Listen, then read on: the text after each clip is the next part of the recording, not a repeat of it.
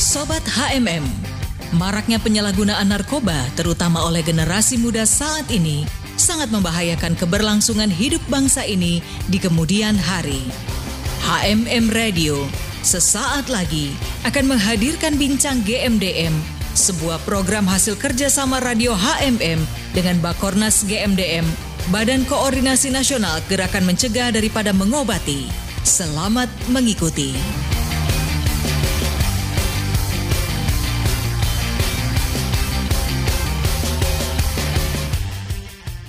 Dari kawasan Sentul Bogor, Indonesia, HMM Radio Praise and Worship in Unity. Selamat bergabung Sobat HMM di mana pun Anda berada, senang sekali saya Obed boleh hadir untuk temani Anda menghadirkan talk show dengan Game Dem Garda Mencegah dan Mengobati.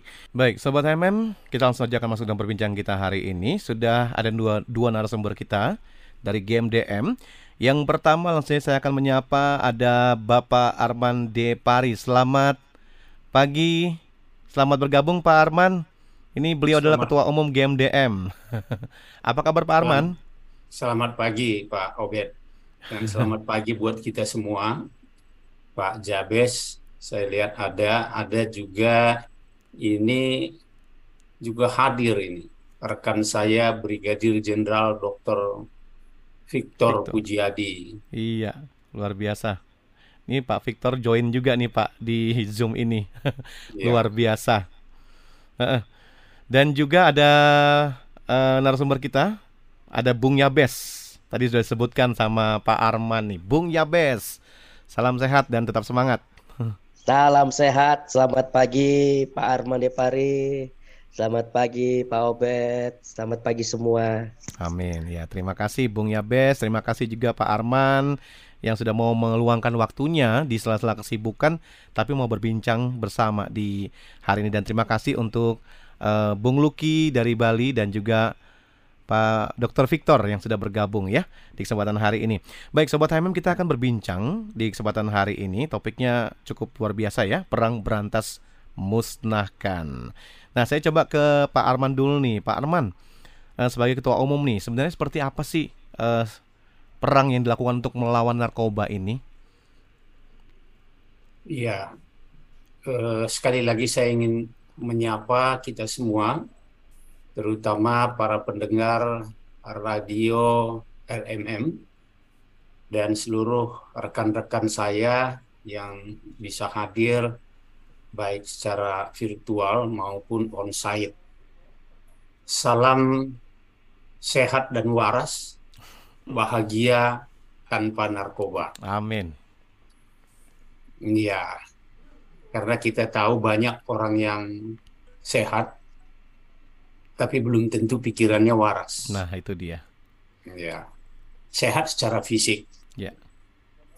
Tapi pikirannya belum tentu sehat seperti fisiknya kelihatan.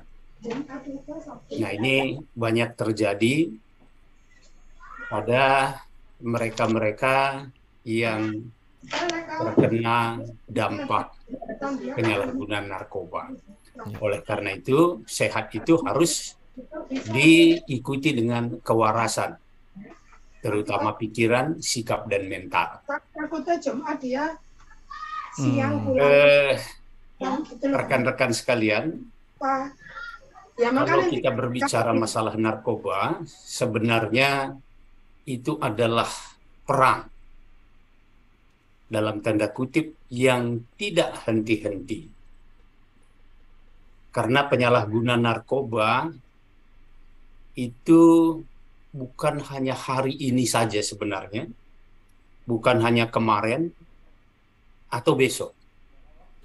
Nah, kalau kita lihat sejarah perkembangan penyalahgunaan narkoba itu sudah ada dalam sejarah semenjak 4000 tahun sebelum Masehi.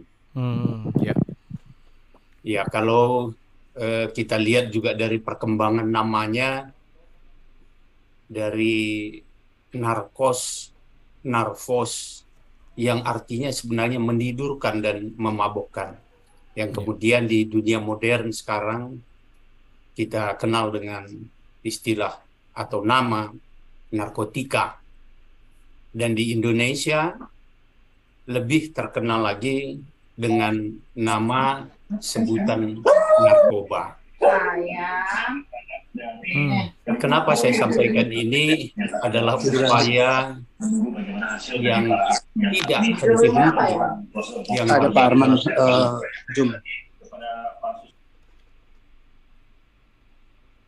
Ya, saya ulangi kenapa saya sampaikan ini tidak berhenti-henti, harus kita lakukan upaya dalam rangka pemberantasan, pencegahan, dan sekaligus juga upaya kita untuk mengembalikan mereka yang sudah terpapar pada kehidupan yang normal.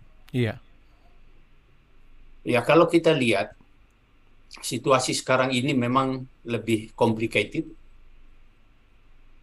Di tengah adanya pandemi COVID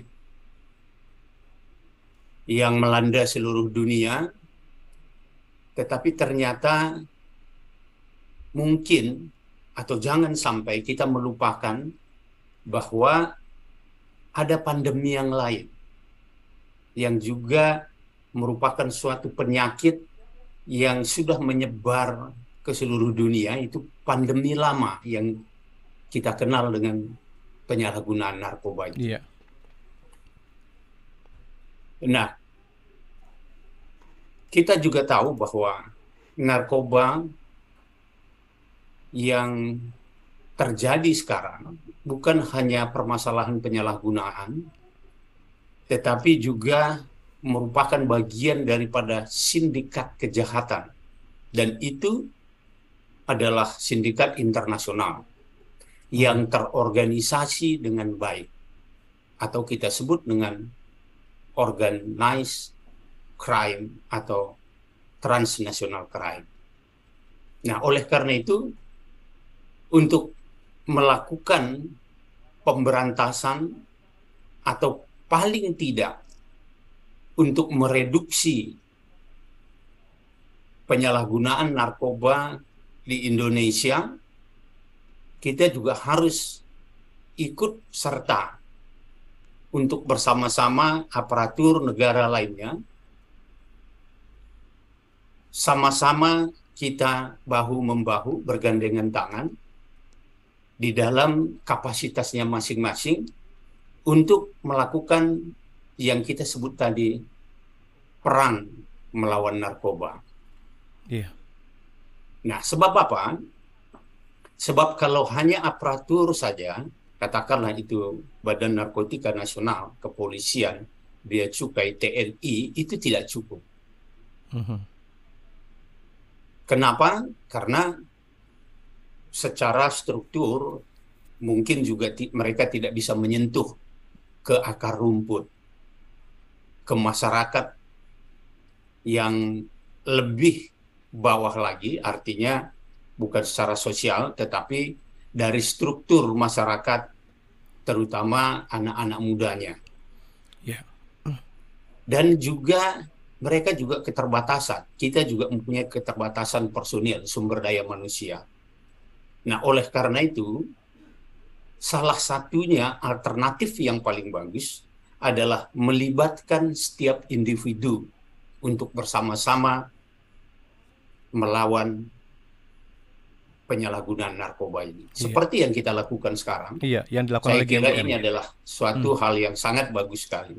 Dan kami pun di gerakan mencegah daripada mengobati itu adalah relawan-relawan adalah orang-orang yang memang sudah dengan kesadaran betul untuk bersama-sama dengan stakeholder lainnya siap untuk melakukan apa pun yang kita perlukan dalam rangka kita memerangi dan yang lebih utama adalah mencegah mhm. beredarnya narkoba di tengah-tengah masyarakat. Jadi memang yang dilakukan selama ini oleh GMDM yang melakukan pencegahan, kemudian juga merangkul ya Pak ya beberapa uh, organisasi juga karena memang tadi Pak Arman sempat bilang bahwa aparat hukum juga mungkin terbatas ya, tidak bisa menjangkau sampai akar rumput untuk itu juga diperlukan masyarakat untuk ikut ambil bagian dalam memerangi narkoba ini. Saya rasa menarik Pak apa yang Bapak jelaskan hari ini. Nah, kebetulan bersama kita juga ada Bung Yabes. Ini kan beliau juga uh, bergerak bersama GMDM dari Crown Ministry ya, Bung Yabes ya. Iya betul. Iya. Nah, Bung Yabes mungkin uh, seperti apa, Bung? Kalau menyentuh nih akar rumput tadi yang seperti Pak Arman sampaikan tadi, kalau Bung Yabes di Crown Ministry apa-apa saja nih yang dilakukan? Tentunya untuk uh, menyentuh mereka akar rumput seperti anak-anak muda mungkin juga orang-orang yang mungkin tidak tidak diperhitungkan tapi mereka ternyata jatuh dalam narkoba. Silakan, Bung Yabes. Ya, selamat pagi semua. Jadi saya berbicara sesuai kapasitas yang saya lakukan di GMDM. Kalau kita kan melayani langsung kepada korban pemakainya. Yeah. Jadi mereka-mereka yang direhab. Jadi setiap pelayanan kami sebagai relawan yang Pak Arman tadi bilang, kami adalah relawan melayani dengan hati dan tulus untuk mereka semua. Betul. Jadi untuk supaya mereka tidak balik lagi kepada narkoba, supaya mereka tidak balik lagi kepada penyalahgunaan, kami menyentuh dalam sisi-sisi hidup mereka, apa yang membuat mereka kok bisa jatuh, apa yang membuat mereka kok melakukan ini gitu. Kebanyakan sih dari anak-anak muda yang kami layani itu yang pertama memang tadi yang Pak Arman bilang banyak orang sehat tapi ya nggak waras gitu kan. Itu benar juga. Badannya sih sehat-sehat yeah. gitu. Tapi ya pikirannya nggak waras gitu udah tahu itu nggak benar udah tahu itu nggak bagus tapi karena pengen hebat dilihat temennya pengen kelihatan keren di lingkungannya akhirnya jadi nggak waras semua gitu. yeah. makanya kami kalau di sana tuh di GMDM tuh selalu menanamkan iman mereka sesuai kepercayaan mereka masing-masing kalau di tempat kami itu bisa ada doa, terus bisa sharing, konseling satu sama lain dan tidak menghakimi karena hmm. itu sangat penting. Jadi melihat akar masalahnya, mungkin ada yang broken, ada yang masalah orang tua atau paling banyak sih memang broken home, gambar diri seorang apa bapak gitu kan. Mungkin mereka punya gambar terbaik mereka cari di luar. Dan di sinilah GMDM menjadi wadah yang tepat untuk membina mereka, melayani mereka. Dan saya melihat banyak perubahan yang sangat luar biasa dari mereka. Ada yang udah mulai bekerja kembali. Mm-hmm. tapi memang perubahan yang paling terpenting dari diri mereka sendiri pak nah, pak Obed ya dari Yabes, diri untuk mereka. membuat mereka itu dari diri mereka itu ada suatu apa ya gerakan untuk mau berubah itu bagaimana Bung Yabes caranya ya mungkin saya ya mungkin saya bicara pengalaman saya juga dulunya ya yang membuat supaya saya bisa berubah ya saya harus punya komitmen untuk berubah gitu hmm Ya bagaimana kita kan cuman konselor, penasehat, membimbing, tapi kan kembali lagi kepada mereka punya gairah untuk berubah. Yeah. Tapi saya yakin kok kalau ada kesungguhan di dalam diri mereka pasti bisa.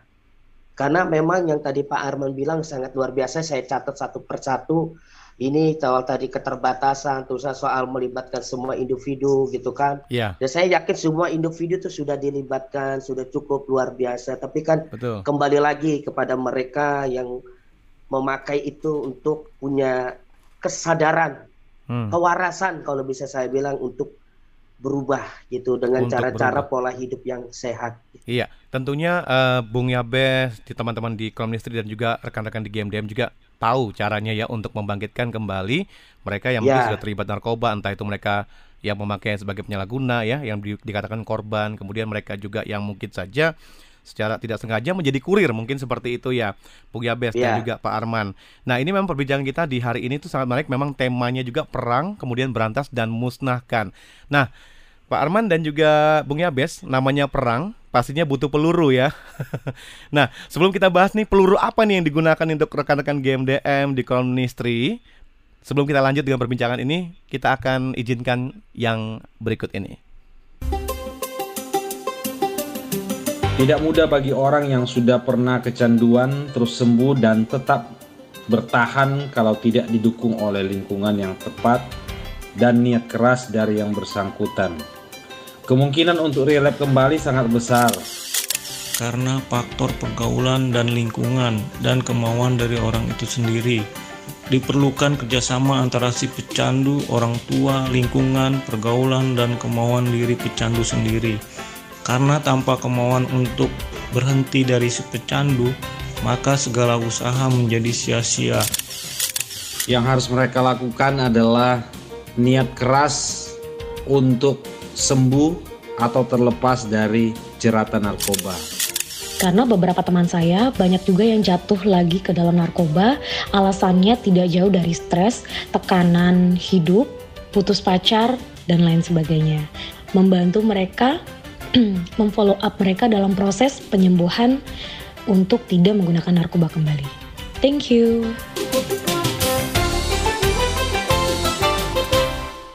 HMM Radio Praise and Worship in Unity Sobat HMM terima kasih untuk Anda yang tersetia bersama kami Dan bagi Anda yang bersedia bergabung saya ucapkan shalom dan selamat bergabung ya Untuk mendengar kami yang berada di kota Jakarta Kemudian juga ada di Bali, Wongaya Kaja Kemudian ada di Singapura, ada di Rusia, Moskow Di United States, kemudian juga Virginia, Ashburn, Australia ya Kemudian juga ada di Sydney dan juga Indonesia di kota Bogor dan terima kasih juga untuk yang bergabung melalui Zoom. Di sini ada Pak Yohanes Siregar, Ibu Dewi Pasaribu, Bapak Luki ini dari Bali, kemudian ada Dr. Victor ya, Brigjen Dr. Ya. Victor. Kemudian juga ada Pak Oni Barita dan juga ada Bung Andi Dairi. Terima kasih yang sudah join melalui Zoom ini. Sobat MM juga bisa loh gabung melalui Zoom kami. Anda bisa nanti uh, langsung meeting ID-nya ID-nya di 623 triple 888. Sekali lagi 623 triple 888. Kemudian passcode-nya di HMM Radio. Masih berbincang mengenai perang berantas musnahkan dengan topik kita hari ini bersama Pak Arman DPRI, Ketua Umum GMDM dan juga Bung Yabes dari Crown Industry. Pak Arman, ini kan judul kita perang berantas kemudian juga musnahkan. Namanya perang pasti perlu peluru ya Pak ya. Selain senjatanya juga perlu peluru. Nah untuk uh, teman-teman GMDM, nih pelurunya seperti apa nih Pak Arman untuk perang kepada narkoba ini? Silakan Pak Arman. Iya, betul sekali. Kalau perang itu memang yang pertama sekali tentu kita harus uh, menyiapkan seluruh personil dan peralatan Nah, salah satu peralatannya itu adalah senjata dan senjatanya tentu harus ada pelurunya seperti Betul. Bung Obet tadi sampaikan. Pakai senjata nggak ada pelurunya percuma tinggal dielus-elus saja. Benar. Iya, eh, perang yang dilakukan oleh aparat seperti kepolisian BNN dan agen-agen anti narkotika seluruh eh, dunia itu memang menggunakan eh, peralatan seperti yang Eh, kita lihat sekarang dari peralatan yang dimiliki penegak hukum dan juga sampai peralatan yang sifatnya uh, militer. Hmm. Tentu itu adalah untuk menghadapi kejahatan-kejahatan yang uh, saya sebutkan tadi adalah uh, extraordinary crime atau kejahatan-kejahatan luar biasa.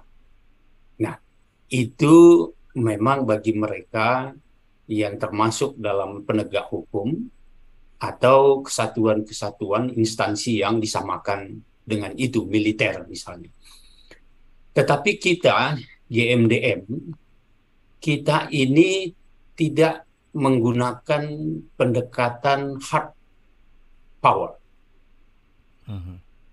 Yang kita gunakan ini adalah soft power Artinya kalau tadi menggunakan peralatan yang cenderung mungkin uh, keras dan memang harus keras. Kalau kita itu menggunakan uh, pendekatan dengan persuasif, ya. melakukan pendekatan-pendekatan, melakukan penjangkauan-penjangkauan untuk memberikan kesadaran bagi seluruh lapisan masyarakat, bukan hanya generasi mudanya saja. Karena kita tahu bahwa eh, potensi penyalahgunaan narkoba ini adalah semua lapisan masyarakat tidak memandang usia, latar belakang pendidikan dan profesi. Walaupun kita tahu bahwa dari 270 juta penduduk Indonesia saat ini, 40 persen generasi muda yang berpotensi menjadi market atau pasar dari peredaran narkoba ini. Tapi sebenarnya bukan hanya anak muda-anak muda itu saja. Nah, oleh karena itu, seperti yang saya sampaikan tadi, kita harus menjangkau mereka ini dengan upaya-upaya yang lemah lembut. Yeah. Untuk menyadarkan mereka, untuk memberikan pengetahuan dan informasi yang cukup, baik kepada generasi muda kita tadi, kaum milenial yang kita sebut sekarang, tetapi juga kepada mereka para orang tua. Mhm. Nah, inilah yang menjadi senjata dan sekaligus peluru kita tadi. Oleh karena itu, GMDM juga harus paham betul, mengerti betul, tahu betul. Tidak perlu mengalami dulu Mhm. mencoba dulu malah nanti kalau mencoba-coba dulu supaya tahu Keterusan. terusan nggak bisa Iya, keluar takut. lagi. Iya. Nah di GMDM ini adalah salah satu wadah untuk menyiapkan relawan-relawan kita, memberikan bekal-bekal tadi, ransum tadi itu sebagai modal mereka untuk berperang dalam tanda kutip di tengah masyarakat untuk menghilangkan untuk mereduksi musuh kita Iya. yang kita sebut dengan penyalahgunaan narkoba itu. Iya.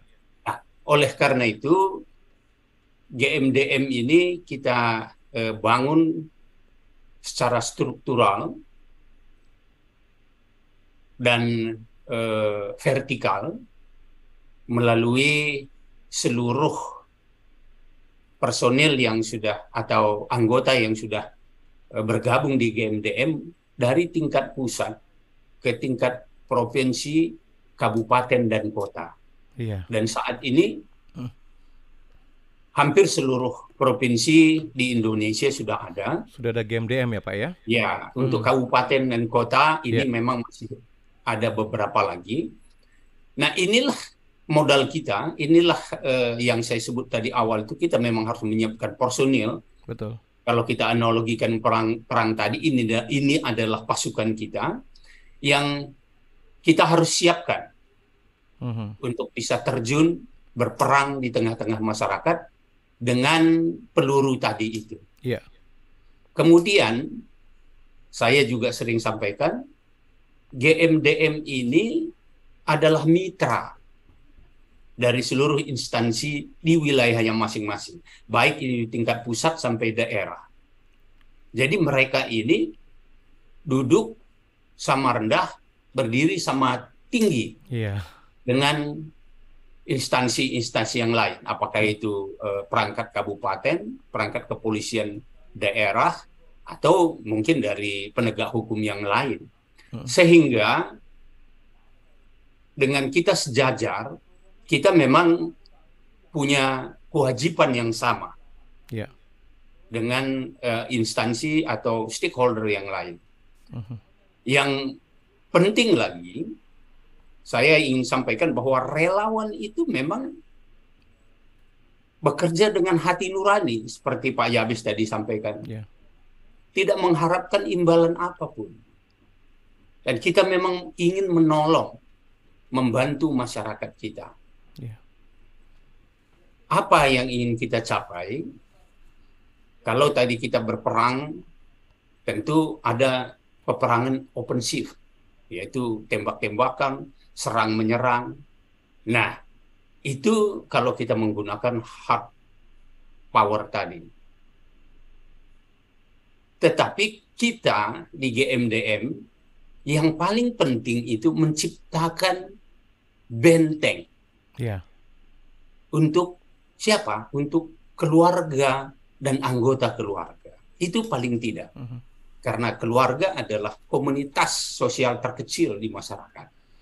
Kalau keluarga atau individu itu bagus pertahanannya, maka keluarga juga akan bagus bentengnya, nah keluarga itu akan mempengaruhi lingkungannya.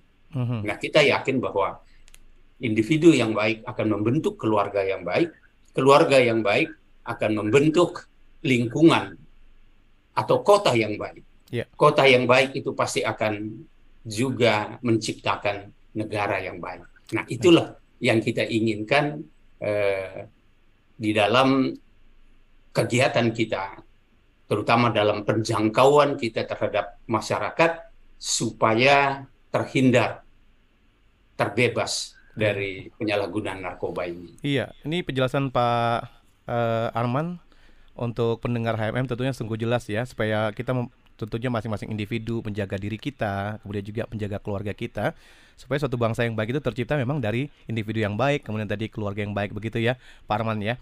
Nah, tadi Pak Arman juga dalam penjelasan sempat eh, menyebutkan bahwa memang eh, sasaran GMDM ini juga untuk menyelamatkan eh, generasi anak muda kita gitu ya supaya mereka tidak eh, jatuh ataupun terlibat dengan narkoba. Nah Pak, ini saya ingin bertanya begini Pak, Eh, apakah di balik penyebaran narkoba yang ada di negeri kita tercinta Indonesia ini, apakah ini ada unsur pihak lain nih Pak, maksudnya di luar negara kita, entah negara lain, untuk apa ya melemahkan generasi bangsa kita? Apakah ini ada seperti itu Pak? Coba Pak Arman mungkin bisa jelaskan nih Pak. Iya, secara terstruktur atau sistematis itu memang belum ada, belum kita lihat, karena kita tahu bahwa eh, narkoba ini menjadi musuh bersama sebenarnya, ya common enemy bagi seluruh eh, bangsa di dunia. Tetapi tentu negara-negara lain juga punya prioritas-prioritas tertentu. Ya. Ya. Artinya punya prioritas tertentu. Kalau kita lihat bahwa negara kita, kalau eh, Pak Presiden Jokowi pernah sampaikan, kita berada dalam situasi darurat narkoba. Tetangga kita mungkin belum begitu eh, peduli, artinya eh, tidak seperti kita situasinya yang darurat narkoba itu. Sehingga apa? Mereka merasa bahwa ya apa yang terjadi di negaramu itu adalah tanggung jawabmu. Mhm. Itu adalah uh, bagian daripada kehidupan di negaramu sehingga kalaupun misalnya kita berbicara dengan mereka, tolong ini diawasi, tolong ini di stop, tolong ini diperhatikan, ya karena itu bukan merupakan prioritasnya tadi, Mhm. ya mereka mungkin hanya menyampaikan bahwa kepada kita menjawab kepada kita oke kami akan coba kami akan lakukan tetapi tidak seperti yang kita harapkan karena perbedaan prioritas dan situasi tadi itu Oh iya. Nah, namun demikian kita harus tahu bahwa eh, narkoba ini terutama dalam rangka peredarannya distribusinya itu adalah organized crime Mhm. yang diorganisasikan oleh sekelompok orang yang punya keahlian, yang punya pengalaman, yang punya eh, latar belakang keuangan atau modal yang cukup. Nah, sekalipun tidak diorganisasikan secara kelembagaan seperti saya sampaikan tadi, apalagi negara, tapi mereka ini memang lebih cukup atau jauh lebih kuat kemampuannya daripada yang kita bayangkan. Hmm.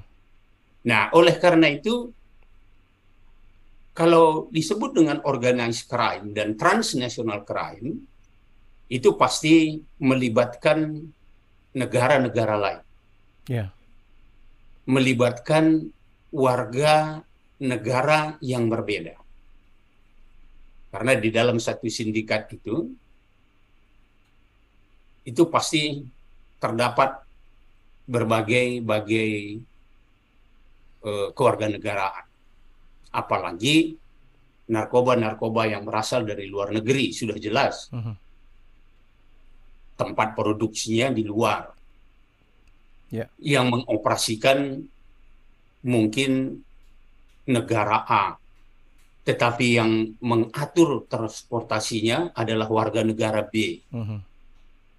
Yang memperjualbelikan di pasar internasional mungkin warga negara X. Mhm. Yang bawa masuk ke Indonesia juga sudah berbeda kewarganegaraan. Mhm. Di Indonesia sendiri itu tidak eh, hanya dari satu kelompok masyarakat tertentu. Ya. Ada masyarakat yang dari daerah barat berkolaborasi dengan daerah tengah, daerah tengah berkolaborasi dengan eh, masyarakat daerah timur. Nah, ini. Tetapi kemampuan mereka mengorganisasikan tadi itu yang perlu kita perhatikan. Dan Mhm. itu betul-betul sistematis sekalipun tidak diorganize oleh negara. Iya. Jadi pribadi lepas pribadi ya Pak sebenarnya ya. Dan orang-orang yang Eh, memang bergelut di bidang Pribadi ini. yang Hmm. kemudian membentuk komunitas Iya. yang disebut dengan organisasi. Mhm. Nah, kalau eh, zaman-zaman dulu kita lihat ada mafia gitu ya. Iya. Nah, itu kan kalau dulu mafia itu berasal dari satu wilayah di Italia sana, dari Sisilia. Tapi mereka menyebar ke seluruh dunia. Nah, sekarang ini mereka tidak ha- eh, organisasi kejahatan internasional ini tidak hanya bergerak di satu negara, tetapi negara ke negara dan mereka juga tidak merekrut lagi teman satu kampung begitu atau satu daerah begitu, tetapi karena eh, dunia internasional ini sangat cepat kemajuan teknologi transportasinya, Iya. yang mereka merekrut dari mana-mana. Yang paling penting buat mereka, apa pun yang mereka lakukan itu menghasilkan uang. Itu sebenarnya. Mhm. Nah inilah yang harus kita perangi. Iya, betul sekali. Jadi memang harus kerja keras nih ya, Pak Arman, rekan-rekan GMDM untuk melakukan apa ya pemberantasan narkoba ini memang seperti tadi Pak Arman bilang eh, tidak terlihat tapi cukup kuat. Tapi saya yakin sih kalau kita bersatu pasti bisa mengalahkan ini. Nah, gimana Bung Yabes? Eh, apa saja nih strategi yang Bung Yabes di Crown Ministry juga untuk menopang membantu GMDM untuk perang terhadap narkoba ini? Apa nih yang disiapkan rekan-rekan di Crown Ministry sebagai mitra GMDM? Ya, yang disiapkan bagi kami dari Crown Ministry, kami setiap hari Jumat itu ada ibadah, Bung Obed. Mhm. Jadi ibadah itu banyak beberapa teman-teman yang dari direhab pemakai narkoba itu kami berikan siraman-siraman rohani. Karena saya sangat sangat apa ya, sangat percaya sekali yang pertama itu ketika imannya berubah, bangkit, pasti semua jiwa fisiknya akan berubah. Jadi setiap Jumat itu kami ada ibadah. Iya. Jadi setelah ibadah itu khusus yang bagi Nasrani ya Bung Obed ya, memakai rehabilitas itu kami ada konseling itu peluru-peluru yang kami gunakan. Yang Pak Arman bilang tadi dengan kelemah lembutan itu seperti itu kami lakukan. Konseling, ngobrol dari hati ke hati kepada mereka, bahkan mendoakan mereka. Hmm, Bahkan di depan mata saya itu ada yang sambil menangis, Iya. meminta apa ampun dan mau bertobat kembali dan memiliki pengharapan yang baru. Iya. Karena saya percaya ketika uh, siraman rohani itu dikuatkan, jiwa mereka itu pasti akan kembali lagi waras. Nah, nah ini kan yang Bung Yabes jelaskan ini mereka yang ada Dan juga di kami bukan rehab begitu ya Bung Yabes ya. Bung Yabes, eh, mungkin bisa dijelaskan apakah dengan apa yang sudah Bung Yabes lakukan di Crown Ministry dan juga mendampingi mereka yang direhab, apakah itu juga merupakan satu cara untuk juga bisa perang terhadap narkoba ini khususnya mereka yang sudah pulih, mereka bisa tuh merangkul teman-teman mereka yang mungkin mas eh, masih terlibat dalam narkoba atau merangkul anak-anak muda jangan sampai terlibat dengan narkoba. Silakan Bung Yabes. Ya, sangat sangat apa ya, Bu Obed yang kita lakukan di Crown Ministry itu ada beberapa teman yang sudah pulih, kita kunjungin dulu pertama ke rumahnya, kita buat doa, terus kita berikan apa nasihat-nasihat dan berhasil pak yeah. berhasil Bung Obet artinya ketika kita ada lagi mungkin penambahan yang direhab itu mereka yang sudah dipulihkan kembali bersama kita yang sudah dipulihkan ikut membimbing mereka nah, oh. nah inilah sangat luar biasa mm -hmm. ikut membimbing mereka dan memberikan jawaban bagi mereka jadi ketika mereka sudah kita bimbing itu benar-benar pelayanan kami ini tulus Pak yang Pak Arman Depari bilang kami datang ke rumahnya dengan dengan kesadaran kami supaya mereka tidak balik lagi mereka sudah bekerja. Terus ya kami ajak mereka hari Jumat untuk kembali ibadah juga supaya tidak lepas dari komunitas. Karena kan komunitas itu kan mempengaruhi juga. Kalau komunitasnya buruk akan kembali lagi buruk gitu kan. Mereka tetap dalam komunitas kami tidak dilepas dan mereka enjoy mereka oke. Okay, dan ada beberapa teman-teman yang sekarang bersama kami waktu di Quran Ministry ikut membimbing mereka kepada rehab-rehab yang baru. Wah ini dahsyat sampai air mata saya menangis melihat ini luar biasa. Wow. Mereka bisa membimbing orang-orang itu uh-huh. dan mereka bisa bisa apa ya memberikan semangat bagi mereka yang baru direhab gitu. Jadi bagi saya sangat sangat sekali ada perubahan, Bung Obed, sangat ada perubahan. Yeah. Karena saya yakin segala sesuatu yang dimulai dari hati dan kesungguhan dengan yang tadi Pak Arman bilang dengan kerendahan hati duduk dan berdiri itu sama semua dan di situ pasti ada pembelaan Tuhan. Betul. Saya melihat teman-teman yang ikut bersama kami di Koron Ministry, mereka juga malah ada yang sudah pimpin doa gitu dari orang yang pernah direhat, mereka pulih, mereka pimpin doa di situ bersama kepada teman-teman mereka. Ini kan dahsyat kan. Yeah. Walaupun itu masih kelompok nggak terlalu besar, tapi walaupun kecil, tapi ketika kami bisa mengubah satu, dua atau tiga orang, bagi kami itu juga udah menjadi hal yang luar biasa. Mm -hmm. Yeah. Dan kami percaya kalau semua bergandeng tangan bersama-sama satu, dua, tiga dan akan berkelipatan makin jumlah banyak dan makin banyak bersih orang tidak memakai narkoba lagi. Iya luar biasa. Nih Bung Yaris ya. tadi saya dengar kami dengan tulus begitu ya. Saya pun melihat memang GMDM memang sangat tulus melakukan ini, apalagi pada pada saat kami sempat datang ke kantor GMDM ya kami melihat memang kekompakan dari tim GMDM, Kronistri melakukan tugas tanggung jawabnya. Bahkan sempat tuh Pak Arman pada saat kami datang ke sana tuh ada yang malam hari tuh lagi apa ya menjemput uh, mereka yang harus diamankan ibaratnya untuk direhab gitu. Itu malam-malam tuh sekitar jam 10-an kalau nggak salah itu pas kami sempat ke uh, kantor GMDM. Nah, itu memang saya lihat memang relawan GMDM ini uh, sangat total ya melakukan tugas tanggung jawabnya. Nah, saya coba ke Pak Arman nih. Pak Arman tadi yang seperti disebutkan oleh uh, Bung Yabes, um, di, mereka yang direhab itu mereka mengalami pemulihan, kemudian mereka bisa uh, juga membantu GMDM untuk sama-sama perang terhadap narkoba, kemudian merangkul anak-anak muda dan lain sebagainya. Nah, Pak Arman, apakah salah satu uh, yang disebutkan tadi Bung Yabes mengenai mereka yang pulih, apakah itu bisa dikatakan sebuah kemenangan dalam perang terhadap narkoba ini? Silakan, Bung, Pak. Iya, eh, kita tahu bahwa resiko penyakit dan kerusakan yang ditimbulkan oleh para penyalahguna narkoba ini sangat besar sekali. Bukan hanya dari segi kesehatan yang tentu mengancam nyawanya, tetapi juga berdampak buruk terhadap eh, peradaban kita, etika kita, warna sosial kita di tengah masyarakat, bahkan juga perekonomian. Karena kalau kita menggunakan narkoba, biaya yang dikeluarkan itu akan menggerus juga biaya rumah tangga. Nah, oleh karena itu kita memang sepakat para pengguna atau pecandu narkoba ini harus diberikan haknya untuk direhabilitasi atau diobati. Dan memang banyak yang sembuh. Banyak juga yang tidak hmm. sembuh. Ada yang sembuh kemudian kembali lagi atau relapse. Nah, sesuai dengan pertanyaan tadi, dari seribu orang belum tentu satu atau dua orang yang survive. Nah, kita harus waspada.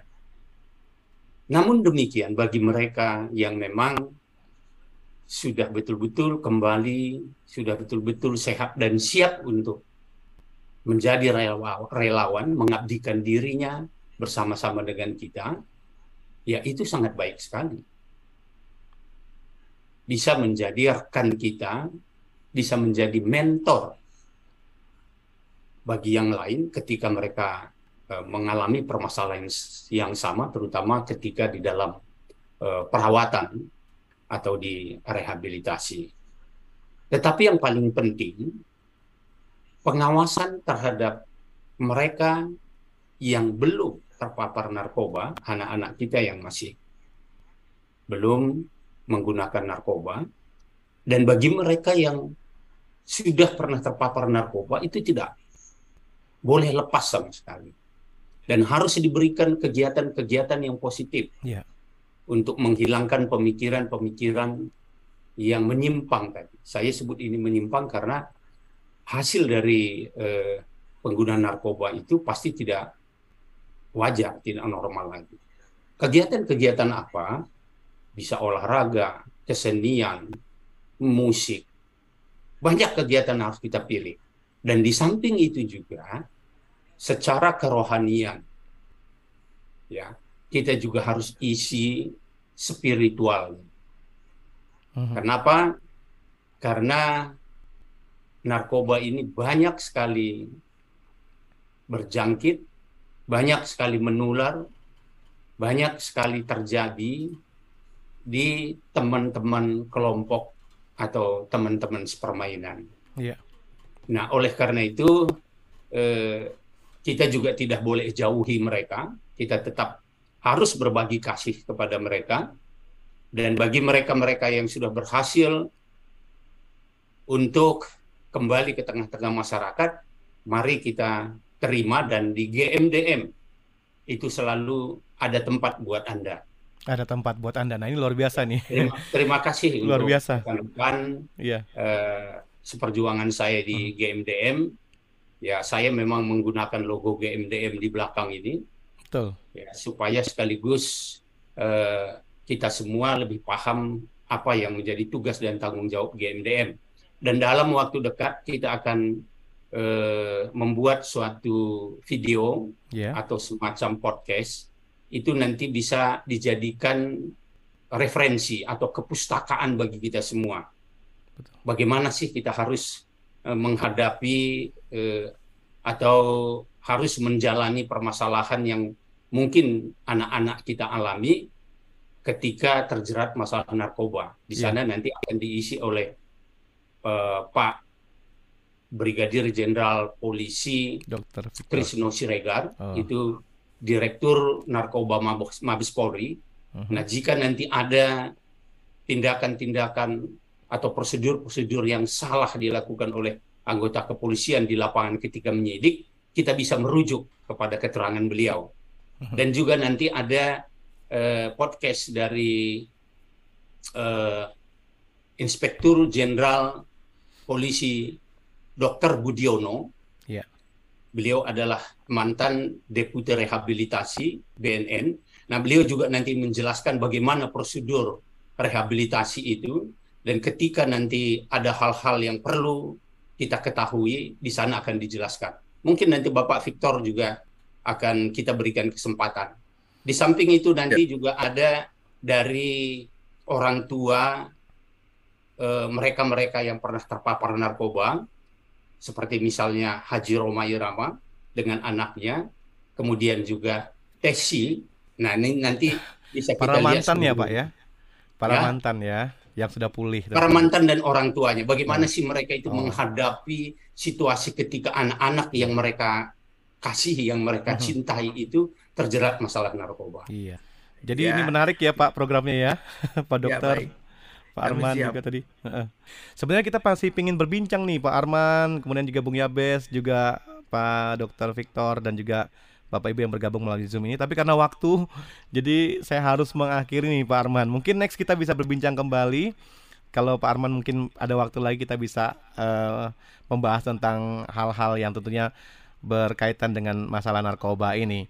Terima kasih Pak Arman, terima kasih juga Bung Yabes, terima kasih juga untuk semua yang sudah bergabung di Zoom Dan Sobat HMM bagi Anda yang membutuhkan informasi tentang GMDM dapat menghubungi di 021 866 15552. 021 866 15552. Nantikan perbincangan kami selanjutnya bersama GMDM dengan topik menarik seputar penyalahgunaan dan pemberantasan terhadap narkoba untuk menciptakan Indonesia bersinar bersih dari narkoba. Oke, terima kasih. Sobat HMM, Dr. Victor, Anda thank you sekali lagi. baru saja mengikuti Bincang Semuanya GMDM, sebuah program juga hasil kerjasama. Radio Nanti HMM dengan. Bakornas GMDM, Badan share ya. Koordinasi Nasional Gerakan Mencegah Daripada Mengobati.